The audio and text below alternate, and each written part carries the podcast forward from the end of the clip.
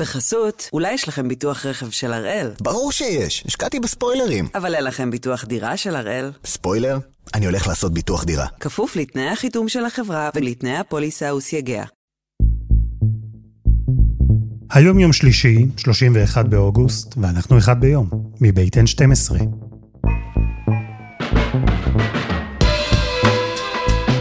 אני אלעד שמחיוף, ואנחנו כאן כדי להבין טוב יותר מה קורה סביבנו, סיפור אחד ביום, כל יום.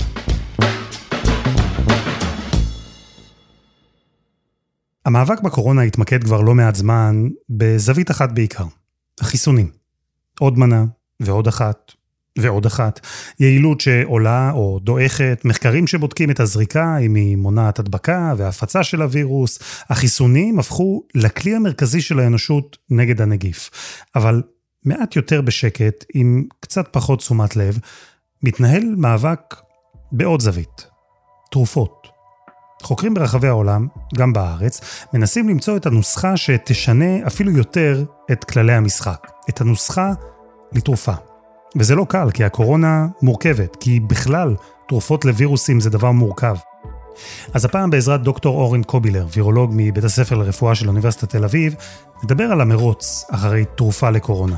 ומה הסיכוי שבקרוב נצליח להכות בנגיף לא רק בחזית אחת, אלא בשתיים.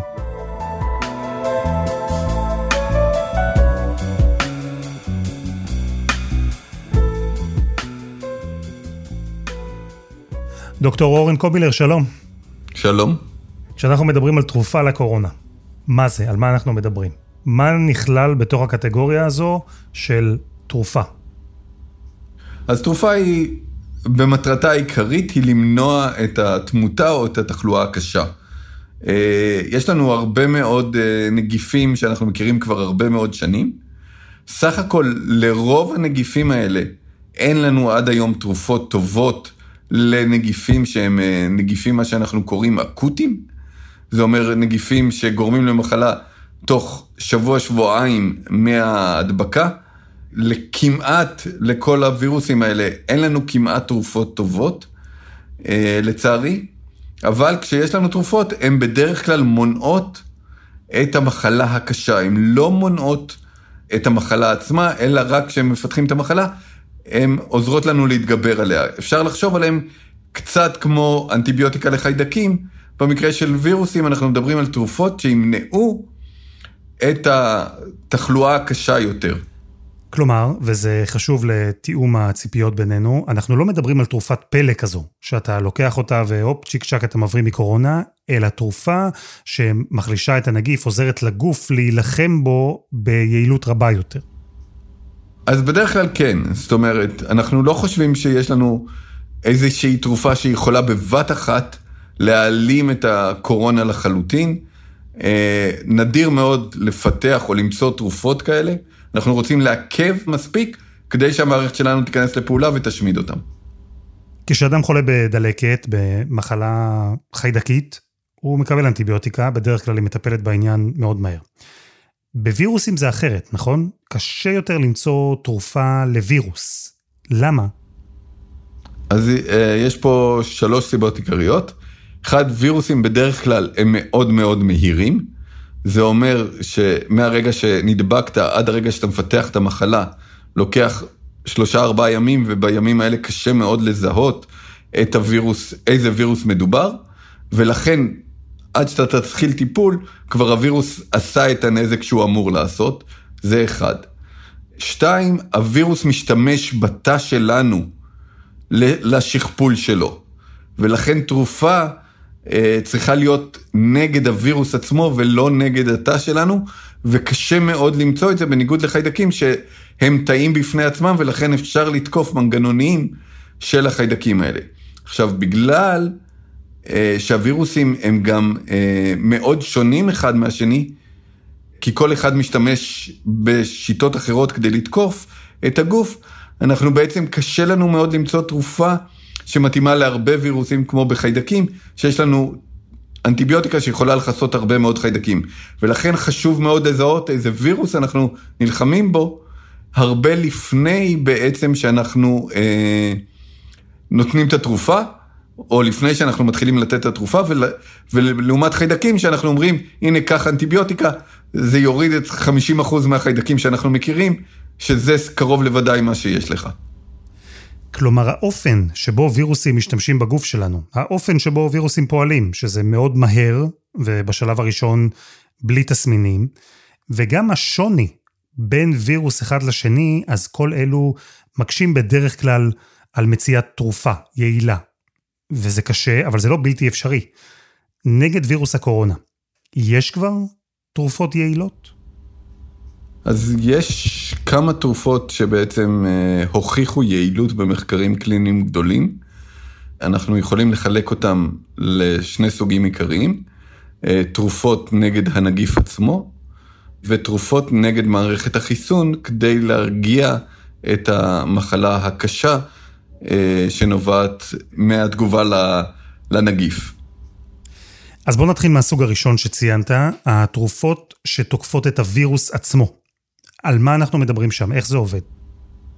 אז יש את הרמדזוויר ששמענו עליה בתחילת המגפה הרבה מאוד, שהיא בעצם תרופה שפותחה נגד הרבה מאוד וירוסים, אה, והוכחה כיעילה בבעלי חיים. בבני אדם היעילות הייתה קצת פחותה, אבל אנחנו כן רואים שהיא כנראה מצליחה לפחות למנוע את האשפוזים אה, בצורה קשה כשנותנים אותה בזמן. אה, אז זו התרופה הראשונה שהייתה לנו. התרופה השנייה היא בעצם נוגדנים או חיסון פסיבי.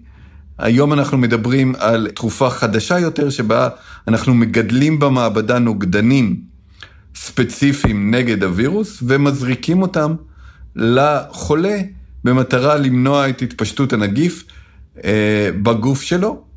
אנחנו נותנים תערובת של כמה נוגדנים כאלה, וזו תרופה שגם כן הוכיחה את עצמה כיעילה מאוד אה, במניעת תמותה, אה, אם נותנים אותה מוקדם. הסוג הזה של תרופות, כלומר, עובד על ידי הזרקה של נוגדנים לתוך הגוף. ככה התרופה עוזרת לגוף להילחם בווירוס. אה, זה נשמע מאוד דומה לטכניקה שבה עובד חיסון. מה ההבדל בין השניים בעצם? אז בחיסון הפעיל, מה שאנחנו מגדירים היום החיסון של פייזר לצורך העניין, במדינת ישראל, אה, הגוף שלך הוא זה שמייצר את הנוגדנים. וכתוצאה מכך גם נשאר לך זיכרון חיסוני, ובעצם הנוגדנים גם אה, מתפתחים ביחד עם הווירוס. זאת אומרת, אם נכנס עכשיו וריאנט חדש, הנוגדנים, בגלל תאי הזיכרון שלנו, יתאימו את עצמם מחדש לווריאנט החדש. בניגוד אה, לנוגדנים שאנחנו נותנים בקוקטייל, שזה בעצם פיתחנו אותם במעבדה, הזרקנו אותם לדם, הגוף שלנו לא פיתח נוגדנים, אה, אפילו מעכב את פיתוח הנוגדנים של הגוף שלנו במידה מסוימת, הטיפול הזה, ולכן אה, בעצם הטיפול הזה הוא חד פעמי, הוא אמנם מחזיק למספר חודשים בדרך כלל, לחודשיים שלושה, אחרי שקיבלת את הזריקה הזאת, עד שהנוגדנים האלה נעלמים לך מהגוף, אבל בתקופה הזאת הנוגדנים האלה לא משתנים, וכמותם הולכת ודועכת. ובינתיים הגוף שלך לא מייצר נוגדנים נוספים. אז זה מאוד יעיל כטיפול אחרי אה, חשיפה לאנשים שברמת סיכון מאוד מאוד גבוהה, אה, אבל פחות יעיל לאוכלוסייה הכללית כטיפול, אוקיי? לכולם כל הזמן. חיסון נועד כמובן למנוע, נותנים אותו לפני מחלה, ואת התרופה מהסוג הזה, התרופה שבה מוזרקים נוגדנים לגוף, מתי נכון לתת אותה? אה, אני מניח שאחרי שאדם כבר חלה. בגדול כן, זאת אומרת, ככל שאנחנו ניתן את זה יותר מוקדם, הסיכוי של הטיפול הזה להיות יעיל יותר, הוא יותר גבוה. אנחנו צריכים לתת אותו לאנשים מעל גיל 50 או 60, תלוי באמת אה, מחלות רקע ושאר הדברים, אבל לפ... כשאנחנו יודעים שהם נדבקו, ולפני שאנחנו אה, בעצם רואים את חומרת המחלה אצלהם, כי ברגע שהם כבר התחילו להידרדר זה כבר מאוחר מדי, ואז הטיפול הזה יעז... כמעט ולא יעזור להם. ובתרופה הזו, מהסוג הזה, אה, יש כבר שימוש? הוא אושר על ידי ה-FDA, לפחות אחד הקוקטיילים אושר על ידי ה-FDA, והוא כבר ניתן בארצות הברית באזור ניו יורק, אזור בוסטון, שם זה ניתן בכמויות מאוד גדולות. בשאר האזורים בארצות הברית קצת פחות, וגם בארץ זה ניתן לפחות בחלק מבתי החולים. והמחיר? אנחנו מדברים בערך על אה, בין 1,200 ל-1,500 דולר למנה, אוקיי? בניגוד לחיסון שאנחנו מדברים על 20 דולר במקרה היקר, פה אנחנו מדברים על 1,200 ל-1,500, זה לא טיפול שנותנים אה, ככה סתם לכלל האוכלוסייה. וואו, אה, טוב, זה בהחלט מובן שבמחיר כזה אה, לא מדובר בטיפול שאפשר לתת לכלל האוכלוסייה. ממילא הקורונה כבר גרמה למספיק משברים כלכליים בעולם. אה, אז נדלג לסוג השני של תרופות לקורונה. אם אמרנו שהסוג הראשון פוגע בנגיף על ידי הזרקת נוגדנים שהם מיוצרים במעבדה, אז הסוג השני של תרופות מתמקד במערכת החיסון. וזה לא סתם שהתרופה מתמקדת במערכת החיסון, היא באופן שאולי קצת נוגד את האינסטינקט מחלישה את מערכת החיסון. אז בעיקרון אנחנו בעיקר מדברים על סטרואידים. סטרואידים אה, זה תרופה שאנחנו כבר מכירים הרבה מאוד שנים, אה, ובעצם מה שאנחנו יודעים שהיא עושה זה מעכבת את מערכת החיסון. כשהנגיף בעצם נכנס אלינו לגוף, הוא מתחיל להשתכפל. וחלק מהמנגנונים שלו זה למנוע אה, ממערכת החיסון לפעול, כדי שהם לא יחסלו אותו. בשלב מסוים, מערכת החיסון כן נכנסת לעבודה וכן מתחילה לפעול בצורה מאוד מאוד יעילה. הבעיה היא שמשום מה בנגיף הזה, היא פועלת בצורה מאוד מאוד מאוד חזקה, מאוד מסיבית, ובעצם מתחילה לגרום נזק בעצמה לרקמה שבה היה הנגיף. במקרה שלנו רקמת הריאות, ובעצם היא גורמת לנזק יותר גדול ברקמת הריאה מאשר הנגיף עצמו. הנגיף עצמו השתכפל בכמה תאים בריאות, התפזר בריאות, אבל עכשיו כשהמערכת החיסון שלנו נכנסת לפעולה, היא בעצם מתחילה להרוג את כל התאים שבהם היה הנגיף וגם את כל התאים על ידם, ובעצם עושה עוד ועוד נזק לריאות. ועל ידי כך בעצם היא מדרדרת את מצבו של החולה אה, למצב שבו הוא צריך חמצן ואחר כך הנשמה, אה, ובעצם הנזק לריאות הוא מה שבהרבה מאוד מהמקרים בסוף יגרום למותו של החולה. אז בואו נדבר רגע שדה קרב, והקורונה היא האויב.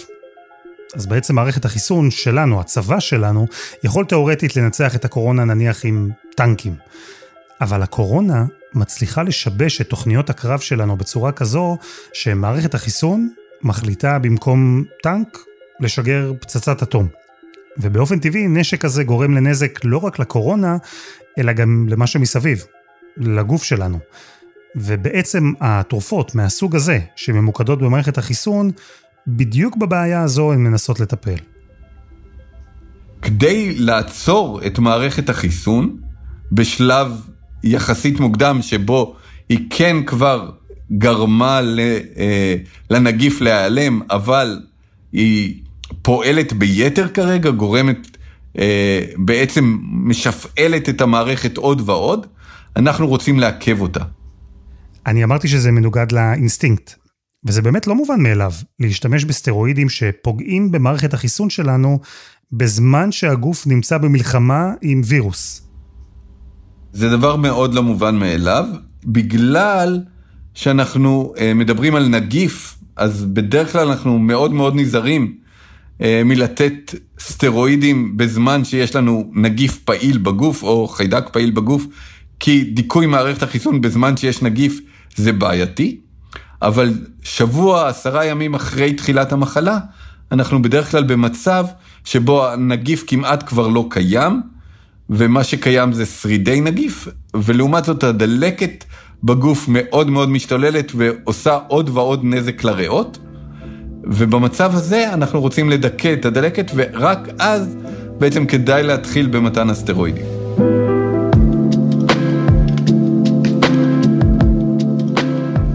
חסות אחת, וממש מיד חוזרים.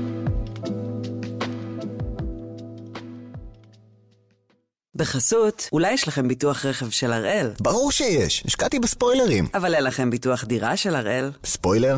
אני הולך לעשות ביטוח דירה. כפוף לתנאי החיתום של החברה ולתנאי הפוליסה וסייגיה. אנחנו מדברים על החזית הנוספת במאבק נגד הקורונה, הניסיון למצוא לקורונה תרופה. דיברנו על שני סוגים של תרופות, אלה שמתמקדות בנגיף עצמו, ואלו שמתמקדות במערכת החיסון שלנו. ובבית החולים איכילוב, במעבדת מחקר במרכז לרפואת הסרטן, עובדים במרץ כדי לפתח תרופה כזו. תרופה שאפשר יהיה לקחת בקלות, בבית, תרופה שתאזן את מערכת החיסון בקרב שלה נגד הקורונה.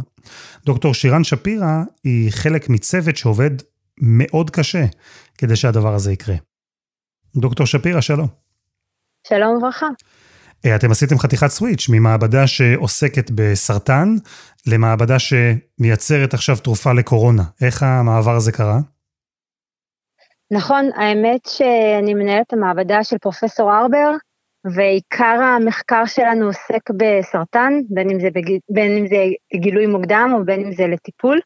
ולמעשה ישבנו באחד הימים במשרד שלו כשדנו בכמה מהפרויקטים ועשינו איזשהם, איזשהו brainstorming, אה, ופתאום ככה נפל האסימון כשחשבנו איך אנחנו יכולים לתרום באמת למאבק הזה כנגד הקורונה. אז היה לנו לנגד עיניים בעצם את שתי הטכנולוגיות שעליהן אנחנו עובדים כבר לא מעט שנים, ואמרנו, אוקיי, אם נוכל לחבר את השניים, ייתכן ויש לנו בו משהו עם פוטנציאל לא רע. ואז אחרי שהבנו את זה, חזרנו למעבדה, עשינו את כל הניסויים במבחנה, נכנסנו לחיות, והאמת שתוך חצי שנה מרגע הגיעת הרעיון עד שהגענו לפציינט הראשון. זה דבר שאני חושבת שלא תואר קודם, וככל הנראה גם לא יתואר יותר. זה באמת אה, היה ככה מ... במקרה. את יכולה להסביר בשפה שגם הדיוט כמוני יבין מה בעצם התרופה הזו עושה? ודאי. CD24 זו מולקולה שבעצם יודעת אה, להשקיט את מערכת החיסון. כלומר, אנחנו לא פוגעים במערכת החיסון, אנחנו לא עושים לה שאט דאון מוחלט, אלא אנחנו מאפשרים לה להתמודד טוב יותר עם, אה, עם הסילוק של הנגיף מהגוף. אנחנו נותנים את זה באינהלציה ישירות אל הריאה. אנחנו נותנים את זה פעם ביום במשך חמישה ימים, והתוצאות עד כה היו באמת באמת חיוביות. כלומר, התרופה שלכם מרגיעה את מערכת החיסון לפני שהיא משתוללת עם תגובת יתר, ומאזנת את הפעילות שלה. אה, את זוכרת את הרגע שבו הפציינט הראשון שלכם לקח את התרופה בפעם הראשונה? אה, וואו, זה, האמת שזה היה מרגש מאוד ומפחיד מאוד. נדיר, אה, שהוא באמת מממציאי התרופה, הוא למעשה ניגש אל הפציינט הראשון והיה צריך לשכנע אותו ש... אוקיי, יש לנו תרופה חדשה שלא נוסתה לפני זה בבני אדם, אנחנו מאמינים מאוד ביעילות שלה, אנחנו גם די בטוחים שלא יהיו תופעות לוואי, אבל למעשה זה הבן אדם הראשון ש, שמנסה את זה אי פעם. כשחזרנו יום, יומיים למחרת, הם כזה עושים לנו תנועה עם הידיים שהם יכולים לנשום שוב. חולים שלא יכלו היו לקום מהמיטה, אפילו לא לעשות מקלחת, פתאום יכולים, מרגישים עם כוחות מחודשים, שזה דבר שבאמת היה חסר תקדים ו- ו- ובאמת כל כך משמח. ואחר כך כשמקבלים את התוצאות של המדדים הקליניים, והן השיפור גם מבחינת uh, פקטורי הדלקת, וגם מבחינת uh, קצב הנשימה ורביון החמצן, זה היה מאוד מאוד משמח, ואז באמת גם הבנו שיש דבר שהוא לא רק בטוח ולא רעיל, ייתכן והוא גם באמת יכול להיות יעיל, אבל על מנת באמת להיות בטוחים ביעילות של התרופה, אנחנו בעצם בימים אלה משיקים את הניסוי האולטימטיבי, מה שנקרא, אנחנו רוצים להשוות את התרופה שלנו לתרופת דמה, לפלסבו.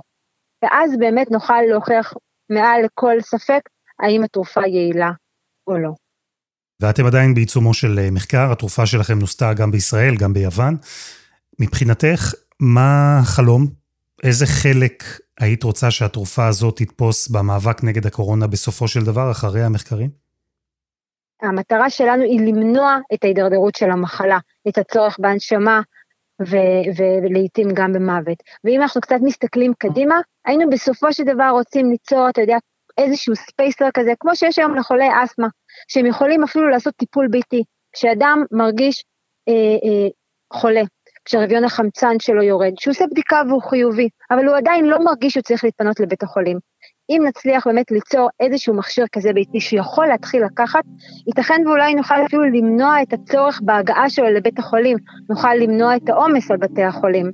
ואנחנו מאמינים שהקורונה תהיה כאן, אנחנו נצטרך ללמוד לחיות עם הקורונה, זאת תהיה מחלה שאנחנו צריכים לדעת לטפל בה. ולכן לצד החיסונים חשוב שבאמת יהיו, יהיה טיפול שיהיה יעיל ו, אה, ויהיה זמין.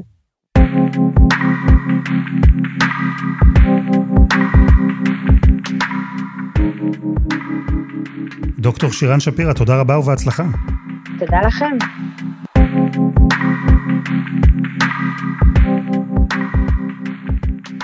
דוקטור אורן קובילר, אנחנו הבנו מה עושות התרופות נגד הקורונה, למי הן מיועדות, באיזה שלב צריך להשתמש בהן, אבל בעולם שמדבר על חסינות עדר, על חיסונים שימנעו בכלל הפצה של המחלה, למה בכלל צריך תרופות? למה חשוב לנו להשקיע את הזמן ואת המשאבים במחקרים האלה? אז קודם כל, טיפול מונע הוא טיפול הרבה יותר טוב מטיפול במחלה. אנחנו רוצים למנוע את המחלה ולכן החיסון הרבה הרבה יותר טוב, וברוב הנגיפים אה, עד היום הטיפול שלנו הוא חיסון ולא טיפול תרופתי. אבל החיסון הוא לא יעיל ב-100%, הוא אף פעם לא היה יעיל ב-100%, לא נגד אף אחד מהווריאנטים, גם לא המקורי, הוא לא יעיל ב-100%.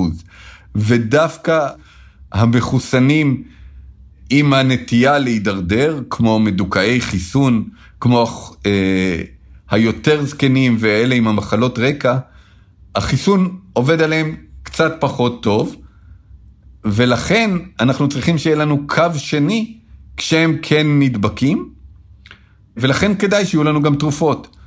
מה גם שכמו שאתה יודע ואני יודע, יש לנו כאלה שלא מוכנים לקחת את החיסון, למרות היעילות והבטיחות המוכחות שלו, וגם בהם צריך לטפל בצורה כלשהי. ואנחנו כבר שנה ושמונה חודשים בתוך המגפה העולמית הזו, מגפת הקורונה. יש לנו חיסונים מכמה סוגים של כמה חברות, הם נמצאים בשוק כבר חודשים ארוכים, וזה הישג חסר תקדים. ותרופות יעילות, נגישות, זולות, את זה אנחנו עדיין לא רואים באותו אופן. אני קיוויתי שנהיה במקום הרבה יותר מתקדם. אני הערכתי שאנחנו, אה, יהיו לנו תרופות כמו הרמדזוויר, שנוכל לתת לחולים אה, מוקדם יותר. התרופות שניתן לקחת בתור כדור, משום מה עוד לא הגיעו לשוק. אה, כנראה שהם יצטרכו עוד עבודה עליהם. אני מאוד מקווה שהם יהיו בקרוב. זה שהחיסונים הגיעו כל כך מהר, זה היה הישג מאוד מרשים של המדע. התרופות, זה לא מאוד מפתיע שאין לנו, זה רק מעציב שאין לנו, הייתי אומר.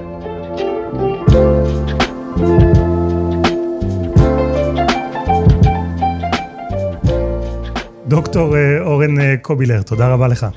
בשמחה.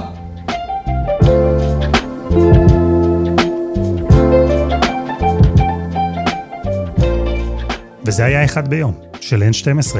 הפרק הזה, כמו כל הפרקים הקודמים שלנו, למשל הפרק לחיות עם הקורונה, שבו שאלנו מתי בעצם נדע שהקורונה הפכה למגפה שאפשר וצריך לחיות איתה, אז כולם זמינים ב-N12 ובכל אפליקציות הפודקאסטים. אנחנו גם בפייסבוק, אתם מוזמנים להמשיך את השיחה איתנו בקבוצה שלנו שם. העורך שלנו הוא רום אטיק, בצוות עדי חצרוני ודני נודלמן, על הסאונד יאיר בשן, שגם יצר את מוזיקת הפתיחה שלנו, ואני אלעד שמחיוף, ואנחנו נהיה כאן גם מחר.